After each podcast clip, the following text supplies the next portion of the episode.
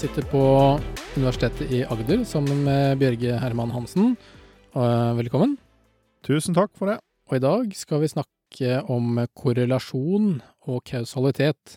Det er to eh, begreper og fenomener som gjerne blandes litt inn i hverandre, og derfor syns jeg det er interessant å sette dem i eh, sammenheng i dag.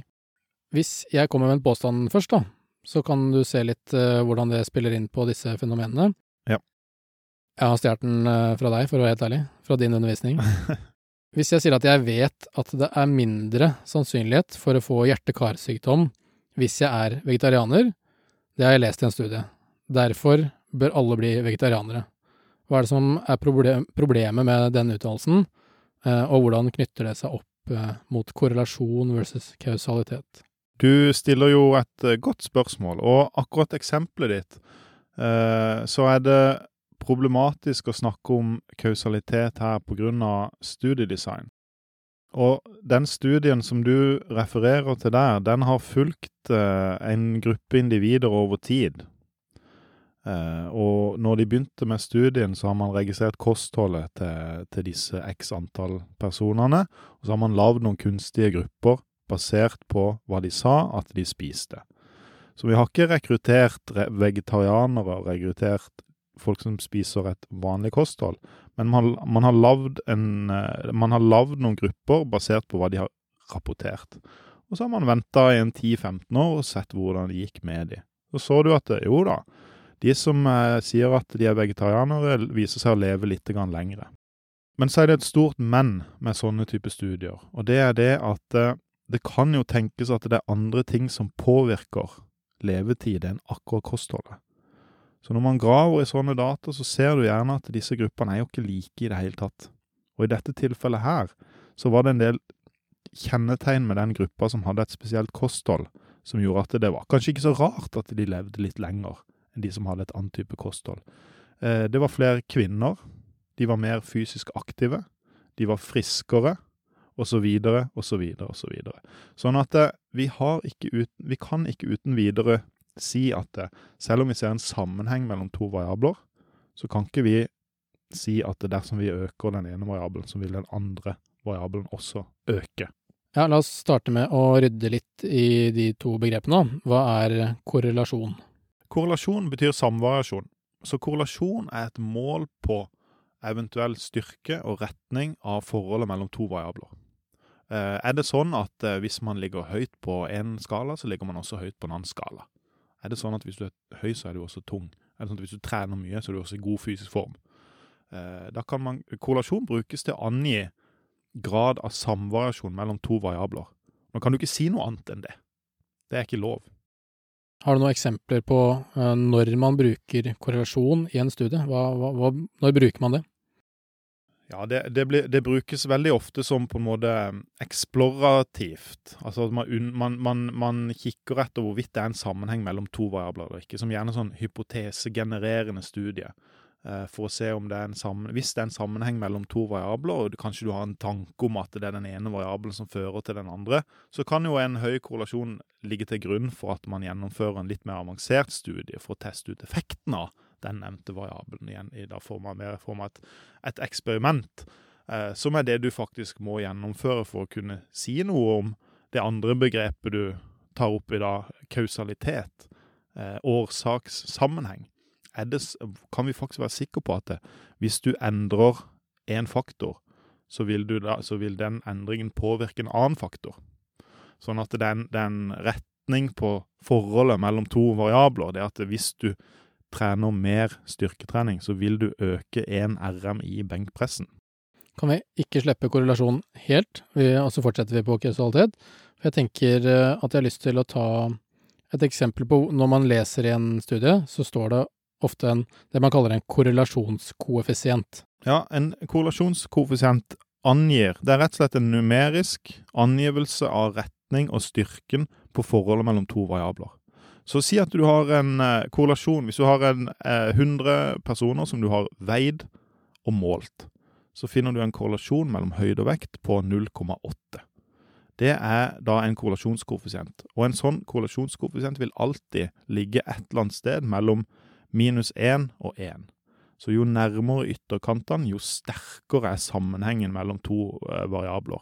Jo nærmere null, jo svakere er sammenhengen. Og en korrelasjonskoeffisient på 0,7, 0,8, 0,9, den er sterk.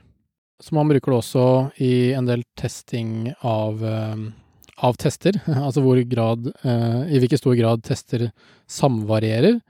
Og et eksempel her er jo fra fysioterapien med en BEST-test, som, eh, som er en balansetest etter slag, blant annet. Og hvis jeg leser en korrelasjonskoeffisient fra, fra den, så, så har man en R på 0,96. Hva betyr det når man bruker en korrelasjon til å sammenligne tester? Ja, 0,96. Ok, her er det da eh, det samme fenomen som er målt med to ulike tester. Samsvaret mellom de to testene er på 0,96. Det vil si at de gir mer eller mindre identisk resultat. Er det det betyr. Jo nærmere én, jo, jo, jo, bedre samsvar mellom disse to testmetodene. Så de kan du på en måte bruke om hverandre. De, de viser det samme. Og så har man brukt det til å sammenligne en, eh, en omfattende test, også bare en mini-best-test, som det heter. En miniversjon av den samme testen. Og så ser man på i hvilken grad de samvarierer. Ja, så, så, er det jo bare det, Passe litt på å blindt vurdere en korrelasjonskoeffisient. For den, en, en, høy korrelasjon kan i noen tilfeller skjule en del eh, informasjon som er sentral. Nå, nå, nå, snakker du om en omfattende test og en enklere test. Så alle ønsker jo en enklere test, i hvert fall hvis han viser det samme. Og en korrelasjonskoeffisient på 0,96 indikerer jo at den eh, enkle testen er jo akkurat like god som den mer omfattende testen. Men det en korrelasjonskoeffisient ikke viser, er eh, at eh, Si at det var sånn at den omfattende testen den er validert og sjekka ut av eksperter, og de sier at er, det er en god test. Og så eh, gjennomfører du den korte testen, og den overestimerer konsekvent med 10% f.eks., eller måler 20 høyere for alle. Da vil du likevel få et veldig høyt samsvar mellom de to variablene. Men en korrelasjonskoeffisient skjuler den systematiske feilkilden, som kanskje, hadde, som kanskje finnes for noen tilfeller. Så du kan bare være klar over det. Og så tar vi en runde på uh, kausalitet årsak-virkning. Um, der er det noen kriterier som uh, må være til stede for å kunne si at det, er årsak-virkningssammenheng. I uh, undervisning som jeg har vært uh, med deg i, uh, trukket fram tre eksempler. Det er det du kaller temporalitet og korrelasjon, som vi har vært innom. At det er en del av kausalitet. og så er det dette med konfunderende faktorer. Når en sammenheng er kausal, så vil det si at uh, du, da vet du at hvis du endrer på en variabel, så vil det føre til endring på en annen variabel. Hvis du, gjennom, hvis du gjennomfører en tverrsnittsstudie, så du måler 100 personer, så måler du eh, gripestyrke, og så spør du de eh, hvor mye de trener i uka. Så finner du en høy korrelasjon mellom de to. Fordi at du har tatt et øyeblikksbilde av den situasjonen, så er ikke det lov å si på bakgrunn av de dataene at eh, hvis du trener mer, så blir du sterkere i klypa det er en sånn eh, Det er en alvorlig feil. Det er en sånn feilslutning. Da har du misforstått hva du kan trekke ut fra ulike studier. Hvis du skal kunne si at uh, mer trening fører til at du blir sterkere i klypa, så må du gjennomføre studiedesign og gjennomføre datainnsamling og sitte med data som oppfyller disse kriteriene. Sånn at det du kan sjekke når du skal vurdere om du, du ser kausalitet mellom to faktorer, er om du da har har man kontroll på temporalitet. Det betyr bare noe med tid. Altså vet man at eh, endringen på den variabelen du er interessert i, skjer før endringa på det du undersøker. Altså begynte man å røyke før man utvikla lungekreft.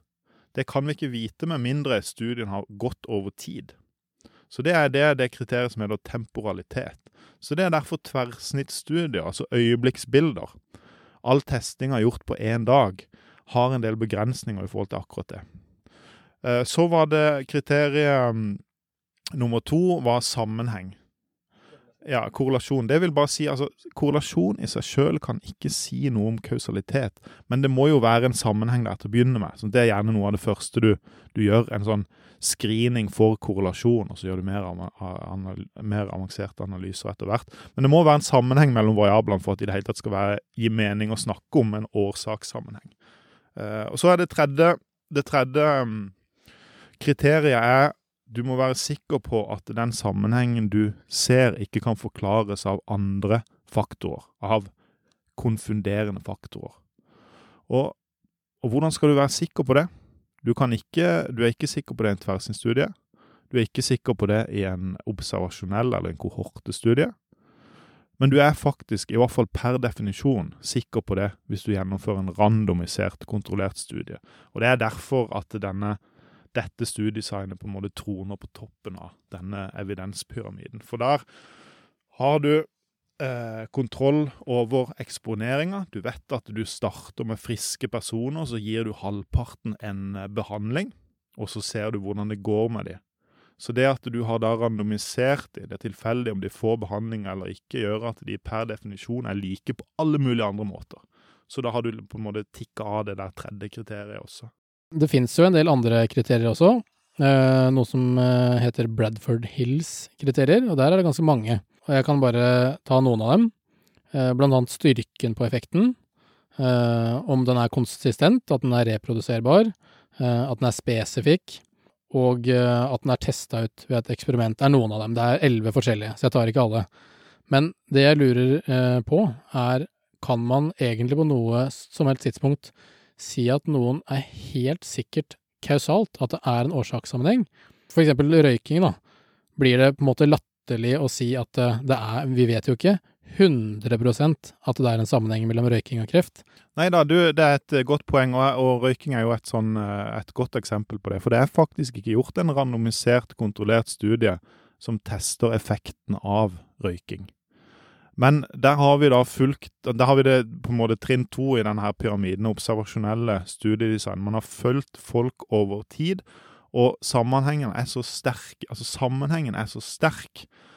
Eh, og man oppfyller så mange av de andre kriteriene. Sånn som et eksempel som, som ikke jeg tror jeg nevnte, dette med at du skal kunne forklare funnene dine mekanistisk.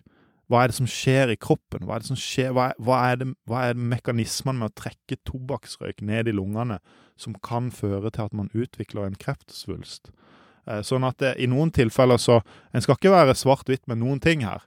Sånn at eh, man kan eh, Kausaliteten mellom røyking og lungekreft er jo, den er jo vanntett. Selv om man ikke har per definisjon undersøkt det ved hjelp av det beste studiedesignet. Så, så det er ingenting som er svart-hvitt her.